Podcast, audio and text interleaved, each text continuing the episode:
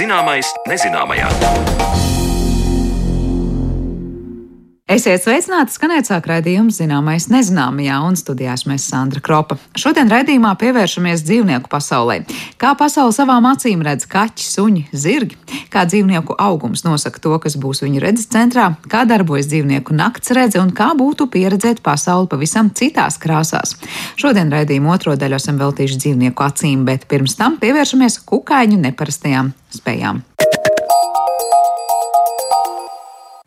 Kukaiņu pasaules iemītniekiem pārsvarā ir saliktās acis, kas sastāv no tūkstošiem tā teikt mazu acu jeb redzes elementiem. Taču tikpat daudzveidīgi, cik ir kukaiņi, ir to redze. Ir pavisam akli, alās mītoši insekti un tādi kā spāris, kurus var devēt par kukaiņu redzes čempioniem. Kā var noteikt kukaiņu krāsu redzi un kāpēc aklo dunduru, kurš nemaz nav akls tā devē, par to Zanas Lācis Baltāks un saruna ar Latvijas Nacionālā dabas muzeja vecāko entomologu Uģi Piterānu. Pārsvarā tiem kukaiņiem, kuri ir redzīgi, evolūcijas gaitā ir izveidojušās vairākas acis, gan saliktās jeb fasetācis, kas kukainim sniedz mozaīku veidu attēlu, un starp saliktajām acīm var būt vienas līdz trīs sīkas vienkāršās acis jeb actiņas. Daļa kukaiņu spēj atšķirt krāsas, un atšķirībā no mums cilvēkiem, tie redz arī gaismas spektra ultravioleto un infrasarkano daļu.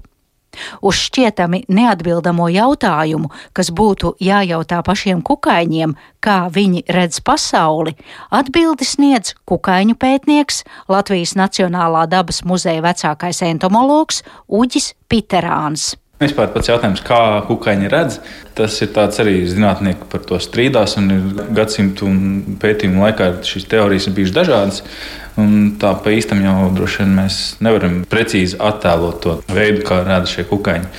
Bet, jā, runājot par asinsūcējiem, tad tā redze, dunduriem, dunduri ir varbūt no tiem, kas vairāk izmanto redzi. Ja mēs tiešām paskatāmies uz viņu uzbūvi, viņu morfoloģiju, viņiem tiešām ļoti liels acis. Ja mēs tā skatāmies, tad viņi aizņem diezgan lielu laukumu no galvas virsmas. Bet savukārt citi odi, mēs redzam, odam, mēs tā varbūt odi bieži neskatāmies tūplānā, bet, ja mēs redzētu, viņam tās acis samērā maziņas, nelielas. Tad odi, piemēram, izmanto citas maņas, lai mūs atrastu. Lasot par krāsu redzi kukaiņiem, tiek minēts, ka bites redz reizums ir minēts, ka trīs krāsas, reizums piecas, reizums sešas. Jā, krāsu redz vispār kukaiņiem ir. Protams, tā būs izplatītāka tām kukaiņu grupām, kuras aktīvas dienā. Bet ir gan jāsaka, arī minēts, ka ir naktas kukaiņi, protams, krāsas redzēt. Bet eh, to, cik tās krāsas redz, to es varbūt tik precīzi nemācīšu atbildēt, bet tajā pašā laikā to var izmantot kā eksperimentu, kad eh, saliek vairākus vienādus, piemēram, palēkus trauciņus ar kaut ko garšīgu, ar cukurūdeni. Bet, piemēram, viens trauciņš būs kaut kādā citā krāsā, piemēram, zilā, dzeltenā vai sarkanā. Un tad ļoti labs eksperiments parādīs, ka kukaiņu krāsa redz uz šiem pelēkiem trauciņiem, kur arī ir tāds pats garšīgs dzēriens, piemēram, šis cukurūdens. Kukaiņi nelidos, bet uz šo krāsaino trauciņu kritīs virsū tā kā traki. Šādu vienkāršu eksperimentu ik viens siltā gada laikā var izmēģināt pats, novietojot uz galda minētos trauciņus un pārliecināties, kādas krāsas ēdiena bļodiņai priekšroku dod taureņi, lapsenes vai bites.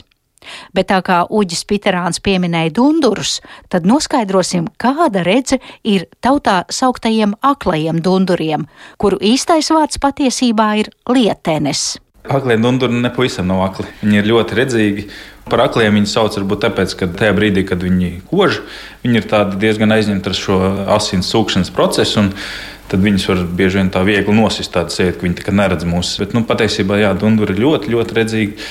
Un tās acis, ja mēs tā tūplānā paskatītos, mēs tiešām redzētu šīs saliktās acis, un dunduriem ir ļoti krāsainas, krāšņas pat varētu teikt. Un es pats tā kā fotografēju kukaiņus, citreiz eh, upurēju savu, savas asinis. Nedaudz, eh, lai iegūtu šos eh, kadrus, jo, ja mēs tiešām tūplānā paskatāmies, tas ir tāds dabas brīnums savā ziņā. Un ar dundriem patiesībā ir interesanti, ir tā, ka redzi ir viens no veidiem, kā viņi pamana šos savus upurus, ja tā varētu teikt.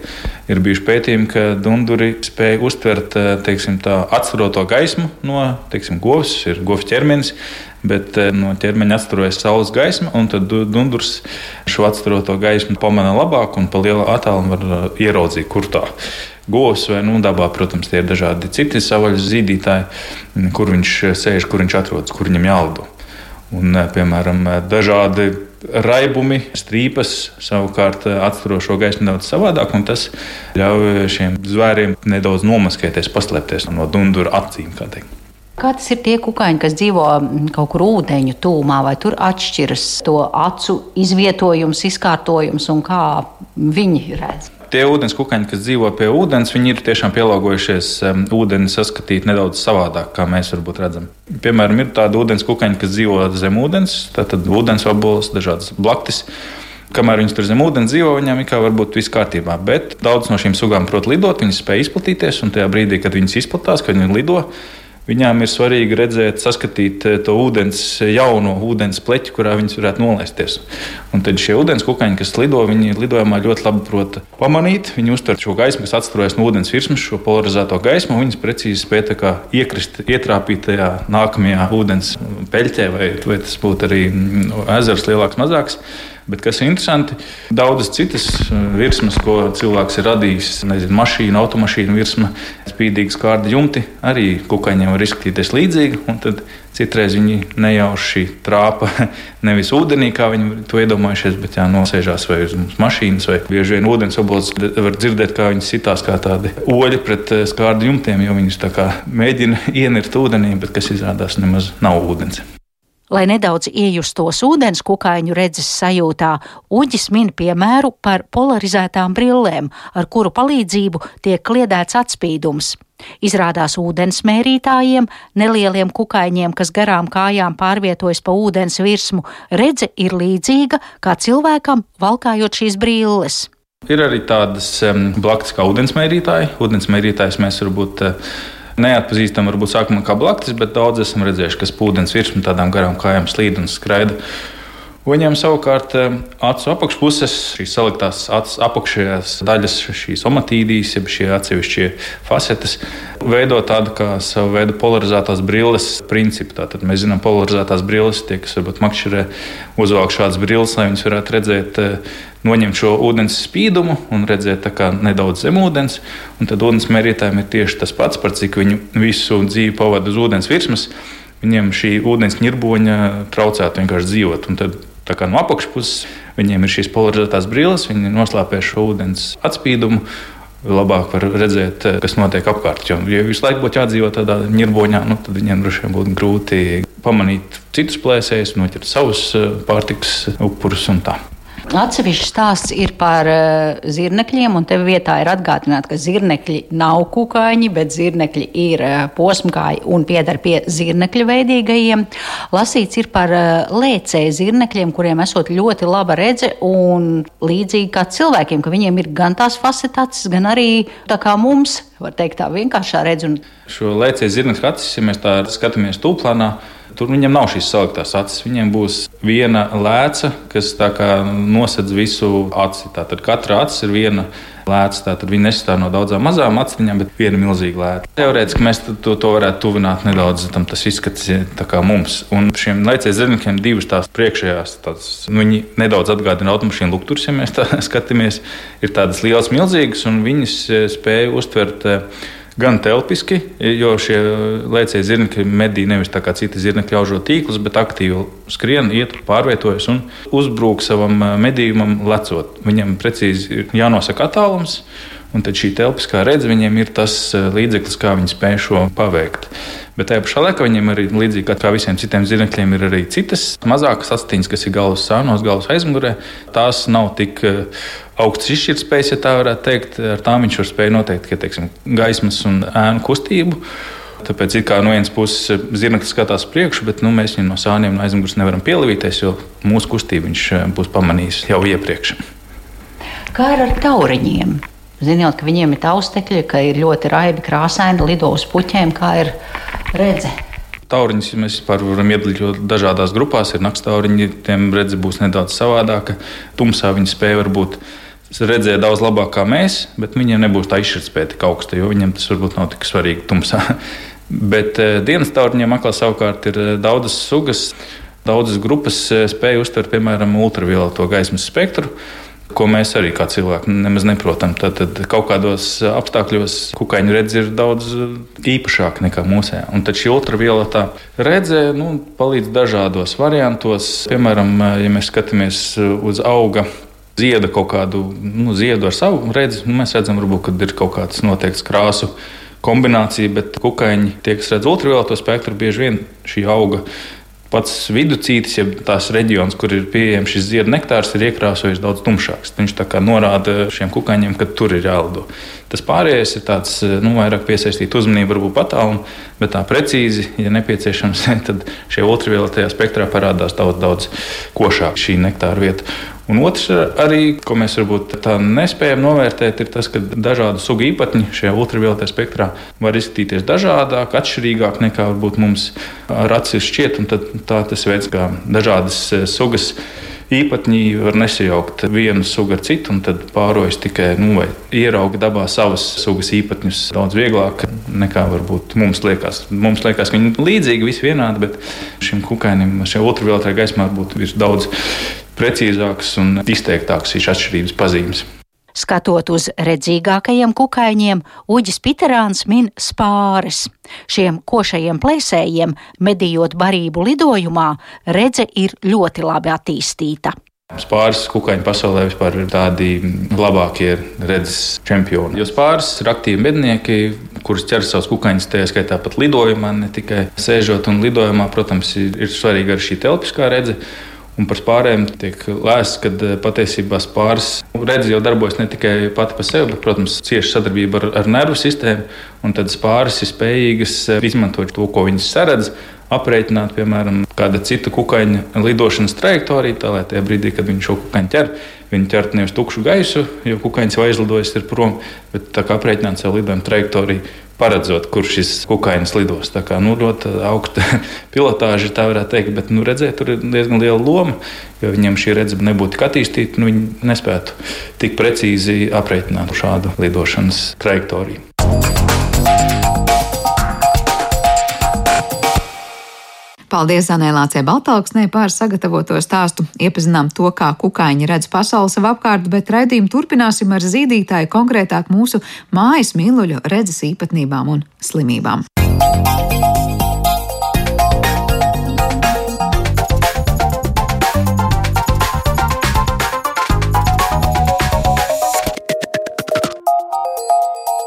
Zināmais nezināmajā. Visi kaķu saimnieki ir redzējuši savu mīluļu zaļās acis, kas spīd tumsā, bet suņu īpašnieki lieliski zina, ka suņu deguns pamana gardumu daudz tālāk nekā acis. Dzīvnieku redzi tik tiešām ir unikāla un ir grūti iztēloties, kā pasauli sev apkārt redz dzīvnieki, ko mēs zinām un nezinām par dzīvnieku acīm un ar kādām acu kaitēm nākas saskarties mājdzīvniekiem. Par to tad šodien mēs uz sarunu esam aicinājuši Latvijas Biozinātņu un tehnoloģiju universitātes veterināru medicīnas fakultātes profesori, Kliniskā institūta institūta vadošo pētnieci Līgu Kovaļčuku. Labdien! Labdien! Jā, nu sāksim ar to, kā tad redz tie dzīvnieki, laikam kopš bērnības mēs katrs esam mācīti par to, ka kaķim ir laba rēdze un sunim ir liela koža, bet nu, suņa redze jau arī nemaz nav nemaz tik slikta. Kā mēs skatītos, nu, un jūs kā cilvēks, kas ar tiem dzīvniekiem sastopas profesionāli dien dienā, kuri tad dzīvnieku pasaulē no tiem mūsu mājas mīluļiem būtu tie asākās redzes īpaš, īpašnieki, un tad parunāsim ar to, ar ko tad specifiski ir katram dzīvniekam tā redzes. Jā, nu, laikam es, es tā uzreiz nevarētu pateikt, kurš mums ir tas uh, labākais, uh, vai kurš redz tālāk, vai kurš redz asāk, uh, jo tas ļoti, ļoti ir atkarīgs. Atkarīgs no dzīvnieku sugas, atkarīgs, uh, nu, ja tā var teikt, no tā evolucionārā uzdevuma, kāds tam dzīvniekam ir dots. Tad, uh, ja mēs runājam par māju dzīvniekiem, tad uh, mums ir dzīvnieki, kas ir uh, nu, tā, tiksim, mednieki, kaķi, kuriem, protams, ir ļoti svarīgi, ka viņi redz kādu mazu objektu, viņi redz kaut kur ātri kaut kādu kustību, kas viņiem ir jānoķer, kas viņiem ir jānomedī. Un tad otrā pusē mums ir tie, lai cik tas briesmīgi neskanētu, tie medījumie, uh, kurus nu nevis tā kā, kas mums ir jāmedī, bet kurus nu, dabā medī. Tad uh, tie ir visi zālēdāji, atgramotāji, kuriem ir pilnīgi citādāki veidots šis atsābols, kuru galvenais uzdevums ir skatīties, lai viņu nemedī, lai kaut kur sānos malā, lauka malā viņš ieraudzītu, ka kāds viņam tuvojās. Uh, ir dzīvnieki, kuriem ir svarīgāk, ka viņi naktī redz, ka viņi var naktī medīt. uh, ir kuriem ir zem ūdens vajadzīgs. Līdz ar to ir ļoti, ļoti daudz tās, tās atšķirības.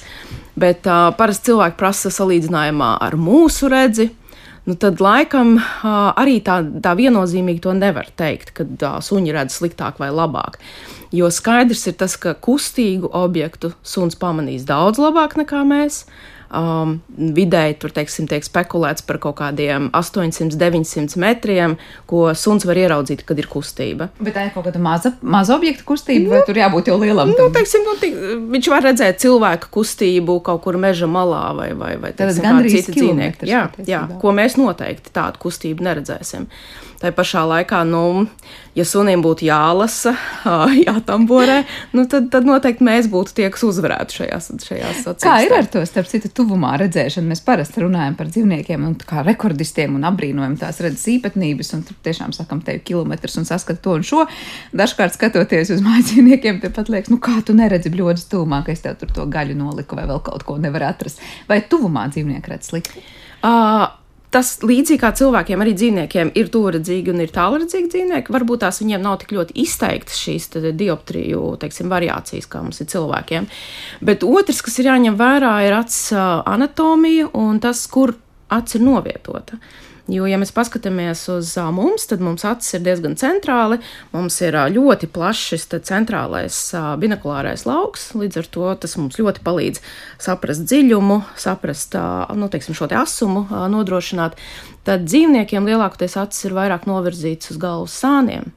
Uh, nu, protams, mēs uh, sakām, tur teiksim, govīm un, un zirgiem tas ir daudz izteiktāk, bet uh, arī kaķiem un suņiem nu, šis centrālais redzes lauks viņam nemazām nav tik plašs. Un, uh, tas var radīt problēmas. Un, uh, nu, lielāks, protams, problēmas ar zirgiem. Tur arī tur tiešām var teikt, ka viņš neredz savu degunu galā, uh, viņš neredz uh, zem sevis. Ja, nu, teiksim, tur šis te garais uh, purna anatomija, protams, uh, traucē šeit redzēt. Kas ir evolucionāri zirgam līdz attīstīt tādu redzi, lai, lai patiesībā viss būtu uz sāniem un nevis to, kas zem kājām. Jo liekas, arī zirgam būtu labi redzēt, kas ir zem kājām. Jā, uh, zirgs to nedaudz kompensē ar galvas kustībām, ar šo ļoti izteikto kaklu, pieceļot, un to arī faktiski izmanto jātnieki, tad, kad viņi kontrolē šo galvu. Bet zirgam, protams, arī ir jāuzmanās no lielajiem plēsējiem, jo viņam ir jāredz sānos, vai viņam nenāk kaut kas uh, neuzbruk. Jā, tā kā viņam arī šī redzes vairāk ir, uh, ir arī tāda īpatnība, kā zīlītes uh, teiksim, forma. Uh, tad uh, kaķiem tā ir vertikāla sprauga, bet visiem šiem zālēdājiem tā ir horizontāli. Un tas arī paplašina šo iespēju redzēt uz sāniem, redzēt maksimāli lielāku šo lauku, lai varētu sevi aizsargāt. Tad mēs nonākam pie tā, kāda nozīme ir kaut vai zīlītes formai. Ja, tad, tad, ja horizontāli, tā, tad tas ir plašumā, ja Jā. vertikāli, kā kaķiem, tad, tad tas būtu vairāk tālumā. Ja? Uh, tas, ir, uh, tas ļoti palīdz uh, šīm te, uh, objekta medībām koncentrēt šo skatienu uz kaut kādu nelielāku objektu. Tas viennozīmīgi kaķiem arī palīdz nedaudz kontrolēt šo gaismu, kas ienāk acī. Jo tā nu, kaķiem ir ļoti īpaša. Ja, un kaķis ir ļoti labi nu, teiksim, redz tumsā Viņam nav nepieciešams naktī atstāt gaismiņu. Uh, viņš, viņš daudz labāk redz, un tā zīlīte to noteikti arī ietekmē. Jā, te mēs nonākam pie tā klasiskā jautājuma, kas ļauj uh, tik labi redzēt naktī, tumsā kaķiem, un vai tiešām un cik labi viņi tur tajā tumsā orientējās. Tā ir tāda nu, mūsu izpratnē kaut kas līdzīgs, kā mēs krēslā redzētu, apmēram tas, kas pilnīgā tumsā būtu kaķim, vai nu pilnīgā tumsā arī kaķis neredzēs. Redzēs. redzēs. Ir vairākas tās lietas, atkal anatomiski, kas to ietekmē. Viens ir tas, ka, ja mēs paskatāmies uz kaķa akalāts anatomiju, tad kaķiem ir ļoti izteikti liela acis radzene. Aiz tās nāk ļoti uh, liela acis, nu, iespēja, teiksim, acis zīlītē paplašināties, uh, kas paver tātad šo acis zīlīti nu, milzīgā, teiksim, uh, diametrā salīdzinoši ar mums. Un trešā un pats svarīgākā lieta ir tīklens uh, īpatnības. Uh, faktiski visiem, gandrīz vai visiem uh, zīdītājiem, izņemot mūsu, un uh, jāsaka arī, ka mājas cūkas. Uh, mums nav tāda, tāda anatomiska struktūra, bet pāriem visiem dzīvniekiem ir tā saucamais spoguļu slānis, kas atrodas aiz tīklenes, kas ir uh, spīdīgs, uh, gaismu atstarojošs slānis. Un faktiski visa gaisma, kas iekļūst acī, tiek atstarota tādā veidā, nu, faktiski vēl dubultojot, vai pat, nu, tās, tās atkal tās spekulācijas ir, ka pat līdz 130 reizēm labāk uh, šo te uh, palielina šo te gaismas stara nu, teiksim, intensitāte. Tas nozīmē, ka tad, kad mums liekas, ka apgaismojums jau nav pietiekošs, tad kaķim tur liksies, ka pilnīgi tur ir pilnīgi ieslēgta gaisma. Pilnīgi kārtībā. Jā. Bet tajā brīdī, ja vispār tajā telpā nu, tās gaismas vai nav, vai tu nezini, no ārā apstākļos, labi, mēnesis, piemēram, tas vienmēr ir tas gaismas avots. Mm -hmm. Tomēr saprot, ar to pietiktu, lūk, šī tīklenes īpatnība ļautu to gaismu pastiprināt. Bet kas notiek tad, kad tās gaismas tur nav? Nu, piemēram, pilnīgi tumša istaba tiešām kaķim no kaut kurienes būs iespēja vēl tur kaut kur kādu gaismas staru savākt un, un izgaismot, lai sev ceļu redzētu. Jo, jo, vai arī tur droši vien kādas citas maņas. Es domāju, ka tur komplekss jau iestājās daudzas maņas, jo noteikti, kad nāk arī klāt arī oža vibrācija uztver, kas arī kaķiem ir ļoti, ļoti izteikti. Ja katra gaisa, gaisa plūsma arī noteikti palīdz. Bet, nu jā, nu, teiksim tā, ja salīdzina, tad kaut kādas konkrētas tumsas, teiksim, tumša telpa, kas mums liktos, nu, pilnīgi, ka tur nav iespējams pārvietoties, nu, tad lielākoties kaķim nu, tā nebūs. Nebūs problēma. problēma. Bet tas ir iemesls, kāpēc mēs skatoties dažkārt kaķa acīs, redzam, ka tās spīd tumsā. Tā ir tīklenis, jā, tas jā, jā, jā. Tas ir tas, ka mēs braucam arī mašīnā vakaros, mm. un uh, mēs redzam šos stīrnes vai, vai lapsas, kuras paskatās uz mūsu mašīnu, mēs ar šo gaismu izspīdinām šo tīkleni, un, un jā, viņi tad ir ļoti spēcīgi. Vai arī dzīvnieki var apžilpt no gaismas, līdzīgi kā cilvēki? Teorētiski var. Teorētiski var. Um, mēs to, par to uztraucamies arī, teiksim, kad mēs dzīvniekus izmeklējam, uh, vai arī veicam operācijas, kurās ir ilgstoša gaisma, tiek spīdināta uh, acī. Jo noteikti šie fotoreceptori, uh, nu, teiksim tā, viņi ar laiku, ja tā gaismas intensitāte ļoti, nu, teiksim, spēcīga, viņi var tikt nedaudz arī bojāti. Jā, to. Par to krāsu redz runājot, mūža senais jautājums, eh, redz, neredz krāsas, un tad mēs zinām, ka kaķi tā kā melnbaltu vairāk redz, vai tā gluži nav, tur būs vairāk tad, nu, kaut kādās toņa gammās. Toņa gammās, es teiktu, jā. Kādas ir tās? Jo, eh, ja mēs skatāmies, teiksim, mums cilvēkiem ir uh, trīs veidi šīs te vālītes, tad arī kaķiem faktiski ir šīs trīs, tikai tā nu, teiksim, gaismas uztveres, tie, tie gaismas teiksim, garumi, ko uztver, ir nedaudz citādāk. Un tad nu, mēs varētu teikt, tā, ka tā kaķa redzes krāsu uztver ir tāds pasteļtoņi tādi maigi tie toņi. Ja. Savukārt suņiem, nu, šajā ziņā viņiem tā redze nedaudz nabadzīgāka. Viņiem ir tikai divi veidi šīs vālītes. Nu, tā, zināmā mērā tas ļoti līdzinās cilvēkiem, kuriem ir dihromāzija. Uh, nu, teiksim, mēs klasiski pazīstam daltonismu, ja, kad uh, viena šī komponente iztrūkst, bet uh, faktiski suņiem arī iztrūkst šī sarkanās krāsas komponente. Uh, Līdz ar to viņiem vairāk ir zilas krāsas, zaļas krāsas, dzeltenas krāsas un visi starptoņi. Un, man ir tāda pārliecība, ka varbūt tās, tās krāsas, kas mums liekas nu, pelēks un pelēks, tad iespējams, ka sunim viņš varbūt tās nedaudz labāk atšķir šo atšķirību, bet viņam iztrūkst, jā, sarkanā krāsa nav. Jā, bet citajās, citās krāsās varbūt tur atkal niansēs tā pasaules sunim nemaz nav tik vienveidīgi. Jā, nē, noteikti. Nē, noteikti, nē. noteikti nē. Bet um, mēs vienmēr runājam par to, kā zinātnieki ko ir iz, izpētījuši un sapratuši par dzīvnieku redzi. Nu, mūsu senais jautājums, kā to izpētīt, jo, protams, cilvēkam var pavaicāt, ko tu redzi un kā tu redzi, un mēs varam pārbaudīt redzi cilvēkam daudz vienkāršāk nekā sunim vai kaķim. Kā tas notiek, kā to redzi pārbaudīt dzīvniekiem? Um, nu, es teikšu, tas sadalīšu divās daļās. Viens ir uh, tas, tas, ar ko mēs veterinārā ārsti vairāk nodarbojamies, ka mēs nu, tīri izmantojot klīnisko izmeklēšanu, mēs izmeklējam šīs acu struktūras un novērtējam viņu funkcionalitāti. Tādā veidā mēs varam noteikt, vai dzīvnieks faktiski redz, nu, redz vāji vai, vai viņš ir neredzīgs. Bet tad ir šī otra daļa, tiešām tās, tās specifiskās lietas, cik tālu, cik kādas krāsas, kādas ir īpatnības. Nu, nav daudz cilvēku, kas to pēta.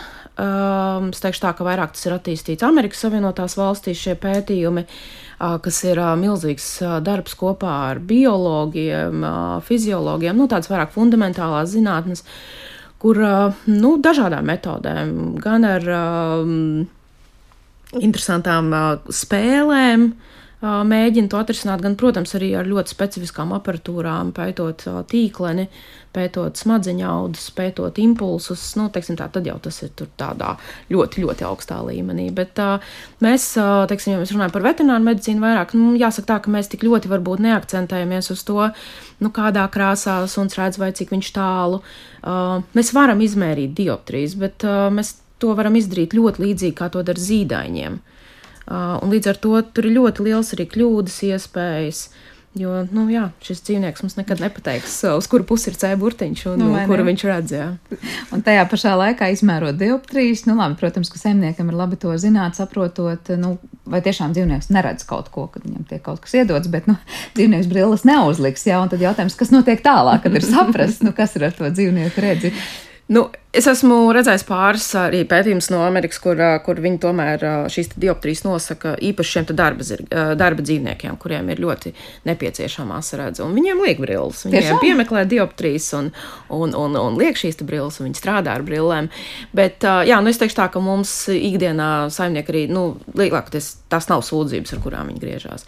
Jo saimniekiem parasti, protams, primāri tās sūdzības ir par to, ka ir kaut kādas nu, veselības problēmas, kas, kuras mēs redzam, ka tās ir sāpīgas, tās rada kaut kādu diskomfortu dzīvniekiem, tās samazina redzes šo kvalitāti. Nu, tad mums ir jāmēģina risināt šīs cēloņa, jā, cēloņa lietas. Jā. Kādas ir tās redzes problēmas dzīvniekiem? Es domāju, tajā brīdī, kad jau ir jārisina nu, kaut kādas saslimšanas vai kaitas, vai kas noved pie tā, ka dzīvniekam tā redzes pasliktinās. Un, un tā kā jautājums tieši veterinārijā praksē, kur ir tie dzīvnieki, kas biežāk nonāk uzmanības lokā? Nu, viennozīmīgi tie ir suņi, kaķi. Tad trešā vietā es laikam likšu zirgus. Un tad, protams, nāk uh, eksotiskie dzīvnieki.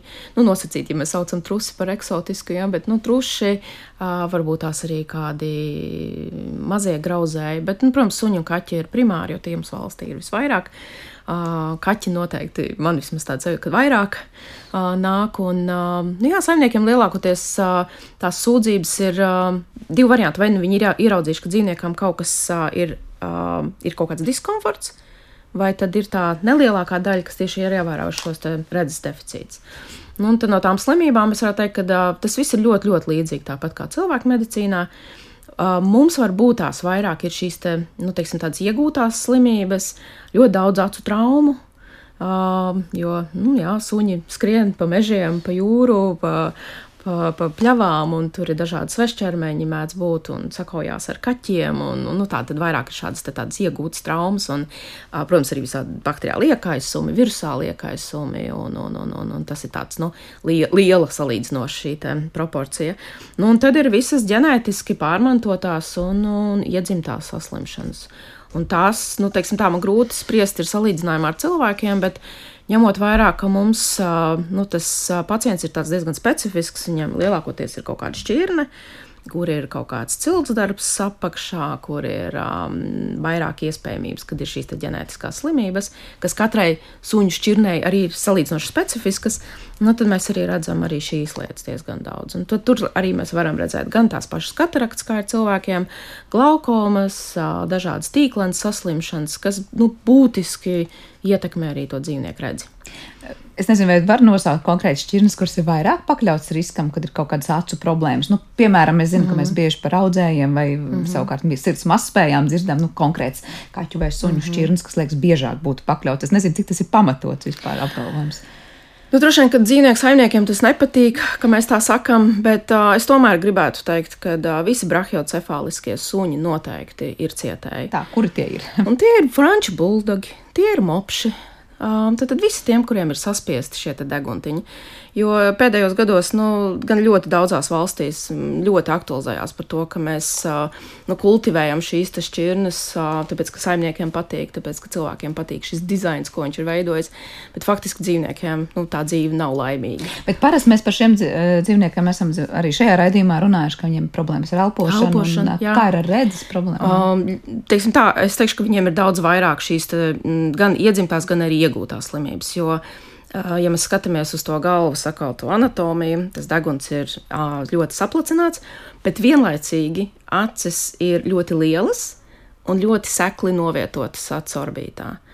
Līdz ar to gadās situācijas, kad dzīvniekiem tiek fiziski šīs acis izsistas, nu, piemēram, kaujoties savā starpā vai nu, tiksim, kaut kādās negadījumos. Ļoti daudz acu traumas, ļoti daudz iedzimtas dažādas plakstiņa anomālijas, kas var tālāk radīt radzenes čūlas, ļoti daudz arī šo radzeņu saslimšanu, arī tās pašas kataraktas un, un tīklens saslimšanas. Tā kā, nu, protams, ka vēl jāsaka tā, ka jāpievelk droši vien klāts ir arī kokers panelis, kas jau uh, arī izsenes ir tāds, uh, tāda šķirne, kurai ir salīdzinoši daudz šīs ģenētiskās um, slimības, bet um, brahiocefāliskie suņi un arī kaķi. Arī Tad kaķi. arī ar saspiestiem puniem. Jā, jā, jā. Jo klinikā, nu, tādu klasisku, pareizi veidotu suni, um, nezinu, Austrālijas gan suņi, vācu aitu suņi, mm, labradori. Salīdzinoši tomēr reti mēs redzam, ka viņiem ir kādas, kādas uh, problēmas. Ehm, te tika piesaukta šī ļoti seklā acu novietojuma vieta. Ehm, pirms tam savukārt runājām arī par acābolu formu, kas nosaka to redzi. Protams, par zīlītēm jau izrunājām. Bet eh, ir kaut kāda lieta, nu, kas nosaka to redzes nezinu, kvalitāti, asumu, dziļumu. Protams, mēs varam te runāt dažādās kategorijās. Kas tad ir par to atbildīgs? Nu, piemēram, atsābola forma. Par ko, tas, par ko atbildēs tālāk? Kā tas dzīvnieks redzēs? Vai, piemēram, es arī domāju, nu, trūšāts uzreiz pilnīgi mm. citādāks. Jā, noteikti atsābola forma. Jo vai viņi ir vairāk teiksim, saspiesti, vai viņi ir garanāki, tad uzreiz mainās šī te, nu, teiksim, redzes asā, un, un, un tad mēs varam teiksim, sagaidīt kaut kādu tūredzību, tālredzību. Tad, Bet, jo vairāk um, apaļāka, tad tas būs sliktāk vai, ne, vai saspiestāk, tas tieši ir labāk. Kā tas bija domāts? uh, nu, faktiski acī ir jābūt pareizai, pareizai lodveida formai, kāda viņi ir.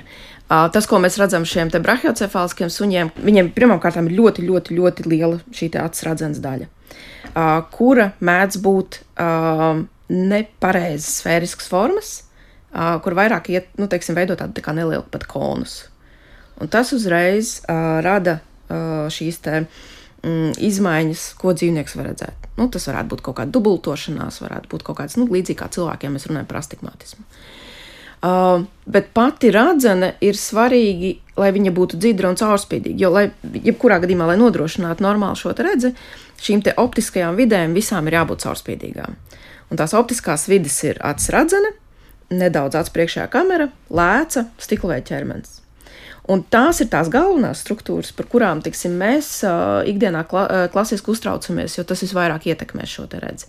Tātad, vai tur būs kādi apduļķojumi uz acis radzenes, lēcā, vai tur būs kādas izmaiņas šajā priekšējā kamerā, kas varētu traucēt. Nu, un pēc šīm optiskajām vidēm, protams, nākamais ļoti, ļoti, ļoti būtiskais slānis ir atstīklene.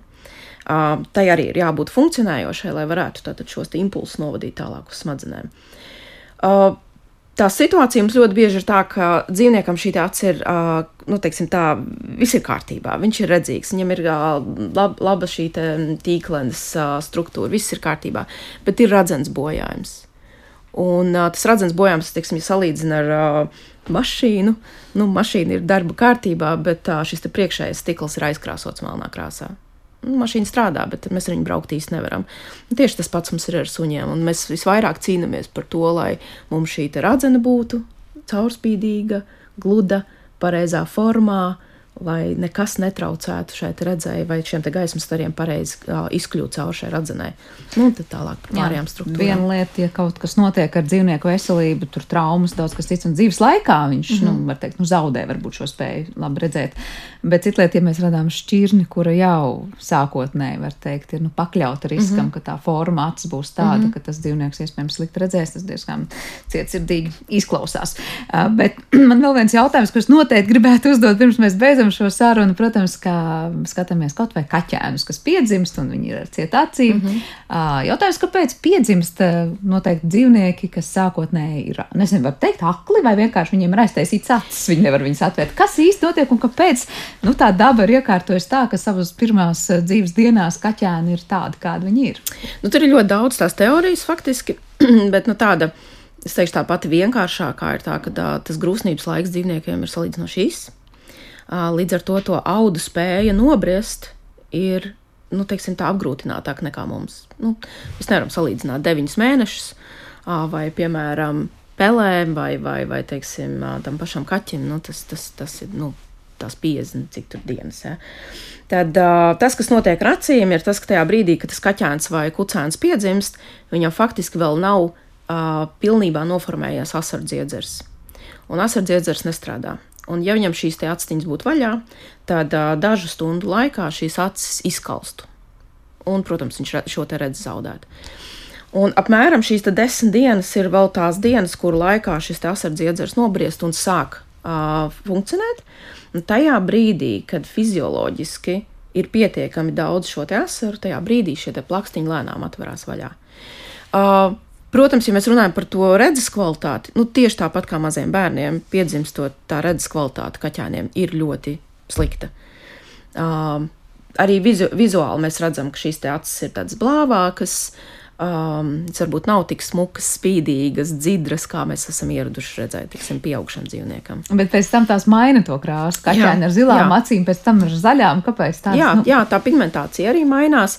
Uh, jo pat varētu teikt, tā līdz kaut kādiem četriem mēnešu vecumam ļoti daudz kas faktiski mainās. Uh, nobriest arī atstīklene. Uh, arī tā pašā sākumā ir pilnīgi cita izskata nekā viņa vēlāk ir. Tā kā vienkārši šis acs uh, struktūra attīstība vēl joprojām tur turpinās. Tad uh, asaru dziedzers ir tas pirmais elements, kāpēc tās acis ir sākotnēji ciet, un tad patiesībā viss tīklens un viss pārējais arī turpina attīstīties Turpin, pirmajos mēnešos. Mm -hmm. kur ir tie izteiktākie dzīvnieki, kuriem ir šie nu, piedzimšana ar cietu acīm, jo tās acis līdz galam vēl nav attīstījušās? Nu, kaķēni, protams, ir tipiskākais piemērs. Kaķēni un, kaķēni un kucēni, jā. jā. Teiksim, ja mēs skatāmies pa lauksaimniecības dzīvniekiem, nu, viņi jau piedzimst ar ar vaļējām acīm. Nu, tur ir atkal citi evolucionāri teiksim, šie te faktori. Nu, es nedomāju, ka uh, daudz stirnēni izdzīvot, ja viņi varētu ilgi attīstīties. jā, jā, jā, jā. Tādā ziņā, protams, ka suņi un kaķi mums ir pavisam, pavisam atšķirīgi. Bet kā dzīves laikā, nu, atkal jāsaka, dažādiem dzīvniekiem tā redz mainās arī līdzīgi kā cilvēkiem. Mēs sakām, nu, tur uz vecumu sāk redzēt mm -hmm. citādāk, vai, vai savukārt mēs runājam tikai par kādām blakus saslimšanām, kas noved pie tā, ka dzīvniekam tās redze pasliktinās. Nu, pamatā tas ir slimību ietekmē, jo daudzām suņu šķirnēm ir tā saucamā progresīvā tīklens atrofija, kas veidojās nu, teiksim, tā, sākot no pat 5, 6 gadu vecuma, bet to savu teiksim, maksimumu sasniedz varbūt tās 8, 9, 10 gados. Un atkal, protams, te ir jāsaka, tie ir kokars paneļi, tie ir pūdeļi pirmā vietā, bet, bet protams, ir ļoti daudz arī citas šķirnes. Un tā ir tāda nu, eh, teiksim tā, no vienas puses nejauka slimība, jo tā ir ļoti lēni progresējoša un neatgriezeniska. Mēs neko nevaram tur palīdzēt. Šī tīklēna lēnām atrofējās, nekādas zāles pagaidām vai, vai, vai ķirurģiskas manipulācijas tam nav. Bet tajā pašā laikā tas ir nesāpīgs process, un pateicoties tam, ka tas ir tik ļoti ilgi, es pat teiktu, ka uh, vismaz pusi no maniem uh, teiksim, klientiem nav pamanījuši, ka viņu dzīvniekiem ir kaut kādas problēmas. Tikai tad, kad viņi ir atnākuši uz klīniku, un svešā telpā ieskrējuši teiksim, reģistratūras galdā vai, vai, vai teiksim, kādā durvis tenderē, tad viņi tikai redz, ka ir kaut kādas nopietnākas problēmas. Bet tas ir tāpēc, ka līdz tam savā ierastajā vidē dzīvnieks zina, kas jā, tur atrodas. Jā, viņš ļoti perfekti to zina, viņš ļoti labi orientējās.